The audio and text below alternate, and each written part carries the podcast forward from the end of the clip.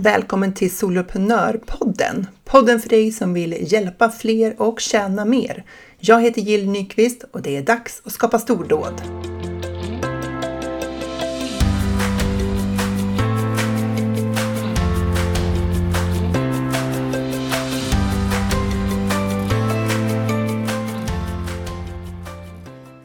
Tycker du att du har gjort allt men säljer ändå inte som du förväntat dig? Det går för trögt, för långsamt.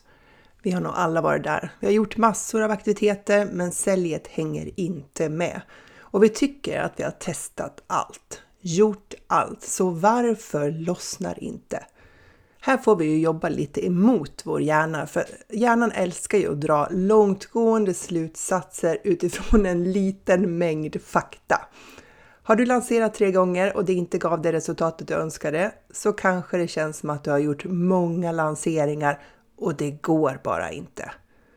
Har du haft fyra webbinar där du sålt för lite eller ingenting alls kan du lätt dra slutsatsen att det inte funkar det här med att sälja på webbinar. Eller det funkar inte det här med att göra lanseringar. Har du hållit på i ett och ett halvt år nu och du är fortfarande inte på det antalet medlemmar du vill ha i din medlemstjänst eller det antalet deltagare du vill ha i din webbkurs eller det antalet coachningsklienter du vill ha i företaget så är väl det verkligen ett tecken på att du har gjort allt? Well, förmodligen inte. Men absolut, jag fattar att det känns så. Jag förstår verkligen, för jag är likadan. Jag behöver verkligen jobba med mitt tankesätt, mitt mindset hela tiden för att inte fastna i tankar som leder mig in i fällan som handlar om att jag har försökt allt. För det är sällan eller aldrig sant. Och även om det är surt att ha ansträngt oss så mycket så är vår ansträngning inte någon garanti för resultat. Alltså vi kan ju jobba stenhårt, lägga ner många timmar, funderingar och stor ansträngning och möda och vilja utan att det ger något resultat, eller åtminstone inte på den nivå som vi vill. För det är inte vår ansträngning som skapar resultatet. Det handlar om att göra rätt saker på rätt sätt. Och då tänker du säkert så här, vilka är de då? De där magiska aktiviteterna som ska få allting att lossna. Ja, om du frågar mig så, så har jag ingen aning. Jag vet inte en enda magisk aktivitet. Men jag vet många strategier som gör skillnad om vi fortsätter att göra dem. Jag vet att tricket är att lära sig efter vägen. Ta vara på lärdomarna i det som vi ofta kallar för misslyckanden för att komma till fail fast, fail forward. Och jag fattar också att det är precis vad ingen vill höra. Vem vill inte ha magin? Problemet är bara att vi sätter krokben för oss själva och vår egen utveckling. När vi inte får de resultat vi vill ha eller som vi tycker vi är värda, så ja, vad tänker vi då? Kanske att med den här ansträngningen så är vi faktiskt värda mer sälj. Eller kanske till och med att vi har rätt att få ett större resultat med allt det här jobbet. Vi är liksom berättigade till det. Kanske tänker vi att vi är dåliga på det vi gör fastnar i tankar om att vi inte kommer klara det här, vi har inte vad som krävs. Uppenbarligen eftersom det går ju så dåligt. Vi använder vårt resultat som ett slagträ tillbaka på oss själva. Som det uppenbara beviset på att vi har misslyckats. Det är ju fakta. Men om du har fått in fem nya medlemmar i din lansering när du siktade på 20. Om det är ett misslyckande eller inte, det får du avgöra. För att om du har fått in fem medlemmar, då är fem, det är fakta. Vad det innebär, vad du tycker att det betyder, det är din åsikt. Det är din tolkning. Någon skulle säkert tycka att fem medlemmar var fantastiskt bra. Andra skulle tycka att det var okej okay, och du kanske tycker att det är uselt. Eller ännu värre så leder de här uteblivna resultaten till tankar om att vi inte bara har misslyckats utan vi är misslyckade. För vi ser ju minsann hur andra når sina mål, hur de säljer med lätt lätthet och allt bara flyter på. Vi har alla de där företagarna vi följer på Instagram som verkar lyckas med allting som de företar sig. Alltid snygga, exakta i sina budskap, galet glada verkar de också. Så irriterande. Men det är klart, vad har de att deppa över? Och i vår misströstan så jämför vi deras utsida med vår egen insida. Och vi glömmer att de också kämpar. Vi glömmer att livet är 50-50. Hälften bra och hälften dåligt. För alla. För det är bara olika saker som är bra och olika saker som är dåliga. För om det vore så att till synes framgångsrika människor inte hade några problem så skulle det inte finnas några filmstjärnor som dör av överdoser eller kändisar som kämpar med sin övervikt. För de har ju allt. De har pengar, de har framgång, de har andra människors gillande eller beundran. Så vad har de att klaga på? De kan ju skratta hela vägen till banken och vara glada jämt. Men så är det ju inte. Men vi glömmer det när vi känner oss sådär usla, när det inte går som tänkt. Vi låter oss luras av ytan och så glömmer vi insidan. Vi glömmer att det är inte bättre där borta än vad det är här. Det är bara annorlunda.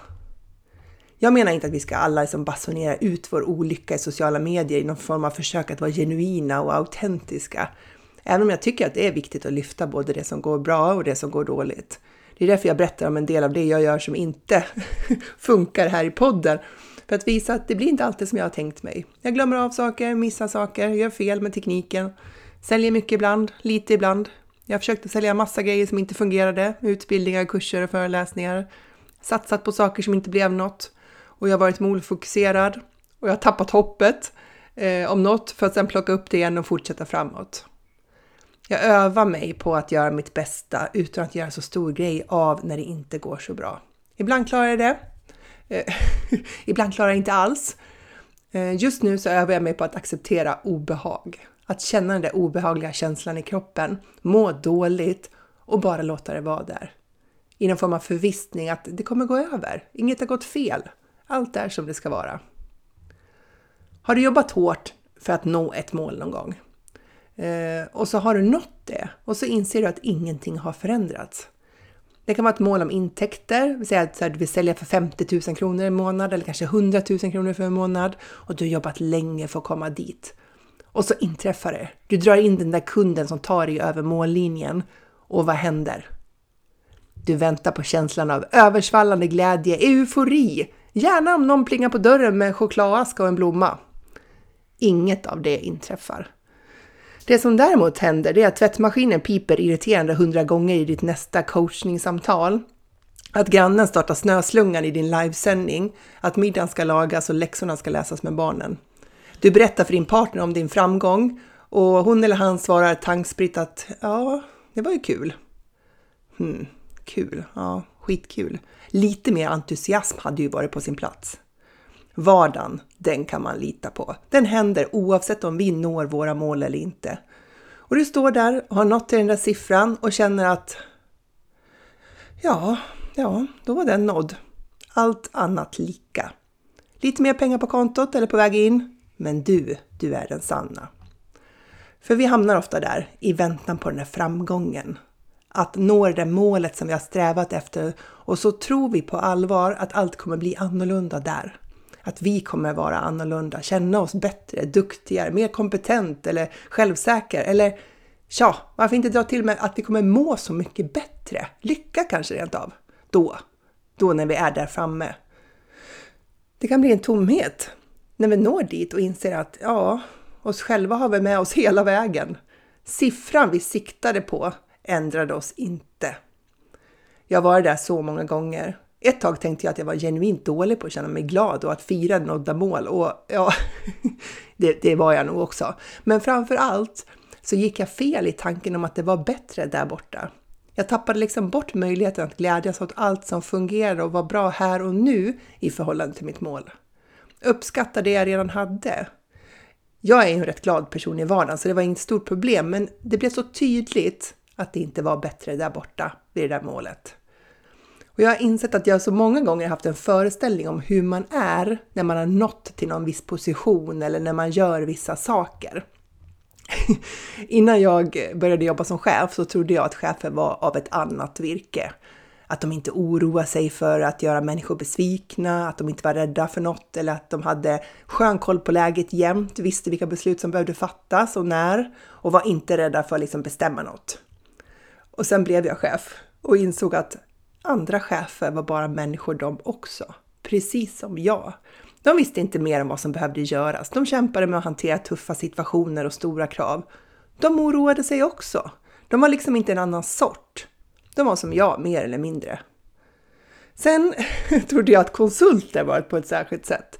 Att de hade någon form av magisk förmåga som jag som anställd då inte hade. Att de kunde se på situationer från helt andra perspektiv än vad jag hade förmåga att göra.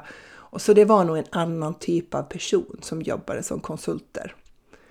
Sen startade jag eget och fick mitt första konsultuppdrag och så insåg jag att eh, ja, konsulter var ju också bara människor som gjorde sitt bästa för att leverera det som förväntades av dem. Eh, så eh, jag gjorde ju det.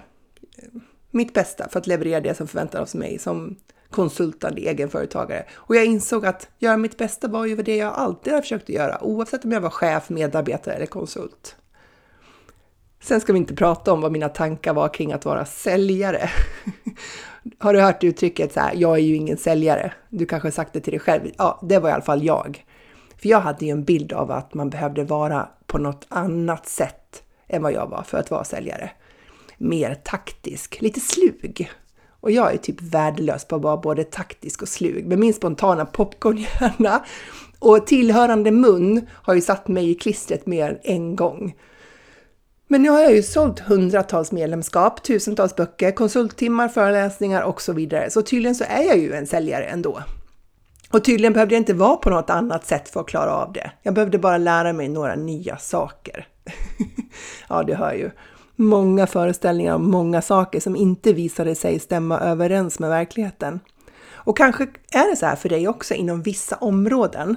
Så har du en föreställning om hur det borde vara, hur det kommer att bli och kanske hindrar den föreställningen dig från att vara i nuet. Uppskatta vart du tagit dig hittills och allt du lärt dig på vägen. För att du är så upptagen med att tankar om hur det borde vara, givet allt du har försökt då, då och hur det kommer att bli. Kanske hindrar det dig från att faktiskt göra det bästa i stunden. Använda alla lärdomar du fått just här och nu. Just den här dagen, den här veckan. Kanske har du föreställningar om andra du ser online och tänker att de är nog på ett annat sätt. Att du saknar något som de har. Ibland kan det där bli en automatisk sanning som känns som fakta, så verklig att vi inte ens frågasätter den. Och så ligger den där och gror, påverkar hur vi tänker och känner i vardagen, vilka resultat vi skapar. För min sanning för dig är den att du har vad som krävs. Frågan är bara om du är villig att göra vad som krävs. För ibland krävs det en hel del av oss. Eller om vi vänder på det. Vi får möjlighet att göra och utvecklas inom många områden för att nå dit vi vill. Om det vore enkelt att driva företag och pengarna rullade in, kunderna stod i kö och du valde vilka du ville jobba med från hängmattan, ja, då hade väl många varit, alltså många fler varit företagare idag. Men det är inte för alla. Men det är för dig för du har valt den här vägen. Den kanske inte är besvärligare än andra vägar du kunde valt, men den innehåller utmaningar av ett slag som du kanske inte hade mött annars. Jag tycker inte att det är några fel att sätta upp mål, att jobba hårt för att nå målen. Jag gillar mål. Problemet blir när vi tycker att vi har rätt att nå de där målen för att vi har ansträngt oss så mycket. Och varför är det ett problem? Jo, för vi flyttar då fokus från att som se vad vi kan lära oss av den här resan. Från oss själva till kunderna och tankar om varför de inte köper. Varför något utanför oss själva inte händer. Om en kund köper eller inte, det är utanför vår kontroll. Hur vi säljer till kunden, det är innanför vår kontroll. Så om du inte säljer som du vill, gå tillbaka till ditt budskap. Hur väl beskriver du kundens problem? Är du för generell i hur du uttrycker dig? Talar du till alla och därmed ingen? Har du fått 10 nya följare sedan den förra lanseringen så att du i princip säljer till samma gäng igen? Berättar om kundens problem så som de själva beskriver det, vilken lösning de kan få och hur din tjänst kan hjälpa dem med det. För oftast är vi inte tillräckligt tydliga. Vi känner oss tydliga, för vi vet ju allt vi vet i våra huvuden om vår förmåga att hjälpa till och vår tjänst. Så när vi läser det vi har skrivit så tolkar vi in allt det vi vet också. Kunden har inte tillgång till den informationen. Hon läser ju texten så som den står och tolkar den utifrån sin föreställningsvärld, sina erfarenheter. Så ju mer abstrakta formuleringar du har, desto fler tolkningar ger du utrymme för. Och jag blev varse om det här med tydlighet och otydlighet eh, här för någon vecka sedan för egen del när jag hjälpte en kund som sa att hon hade uppfattat soloprenörerna att det var för de som ville precis starta en medlemstjänst. Inte för de som drev en och hade gjort det i flera år. Ja, men såklart. Det handlar ju om mitt budskap. Hur tydlig är jag med att alla de medlemmar som finns i Soloprenörerna också inrymmer de som har 10, 50 eller 200 medlemmar och är igång sedan länge. Eh, för det tänker jag in, men jag säger inte lika tydligt. Ord som stressad, mer balans, lönsamhet, kört fast, strategier, utveckling, personlig utveckling, mindset. Alla de där orden betyder olika saker för olika personer. Du kan förmodligen beskriva det bättre än du gör. För du har pratat med dina kunder många gånger. Du vet vad de kör fast, hur de beskriver sina problem, vilka konkreta exempel de ger dig. Där har du ditt guld i ditt budskap. Gräv där du står. Gå tillbaka till den kunskap du redan har från att ha jobbat med många kunder eller några få kunder och skriv ner det. Vilka är deras problem och hur syns de problemen i vardagen? Vad oroar de sig för? Vad är det som de aldrig säger till någon som är pinsamt att säga högt eller som de tror att de är ensamma om att tänka? Där har du material till din freebie, webbinar eller säljsida. Om du inte säljer som du vill så handlar det antingen om att du inte får tillräckligt många som ser ditt erbjudande. Eller så har du ett dåligt formulerat erbjudande. Eller så erbjuder du det till fel målgrupp. För du kan ju ha ett fantastiskt erbjudande, men om du försöker sälja till personer som inte har behovet eller pengarna så funkar det ändå inte. Och är det för få som ser din säljsida så blir det svårt med säljet. Är du otydlig med vad du hjälper till att lösa för problem så går det betydligt trögare än när du kan uttrycka det tydligt. Så när du misströstar, gå tillbaka till ritbordet. Kolla upp hur det gick. Hur ser siffrorna för din kampanj ut? Hur många besök var det på säljsidan? Hur många var det som såg den? Hur många fler når du nu jämfört med förra lanseringen? Är det så att du lanserar till samma gäng igen? Hur tydlig och konkret och specifikt är ditt erbjudande? Det här har betydelse för det om du ska nå fram. Av alla de här skälen så är det värt att sörja över dålig försäljning. och sen ta på dig detektivhatten och börja ta reda på varför det inte gick som du tänkt. Har du många nya på din e-postlista som deltog i din lansering? Fråga lite fint varför de inte köpte. Inte för att kräva eller skuldbelägga, utan för att genuint du vill lära dig och bli bättre genom att fråga de som deltog i din lansering hur det kom sig. För oavsett anledning ute i världen så är vi alltid betjänta av att se inåt, titta på oss själva och fundera på vad vi kan påverka, vad vi kan göra bättre, utan att för den skullen skuldbelägga oss själva. Men med det sagt så tycker jag att vi får vara besvikna. Vi får vara frustrerade och arga och tycka att världen konspirerar mot oss ett tag. Sen kan vi låta den känslan klinga av och ersättas av någonting som vi har mer nytta av. Nyfikenhet, undran, önskan om att lära, Kännas lite utmanad och vinna sugen. Känslor som lyfter dig och får dig att tänka nytt och ger dig energi att fortsätta framåt. För du har bara misslyckats när du slutar försöka. Allt annat är resan, vägen mot målen, vägen i din riktning, i riktning mot stordåd.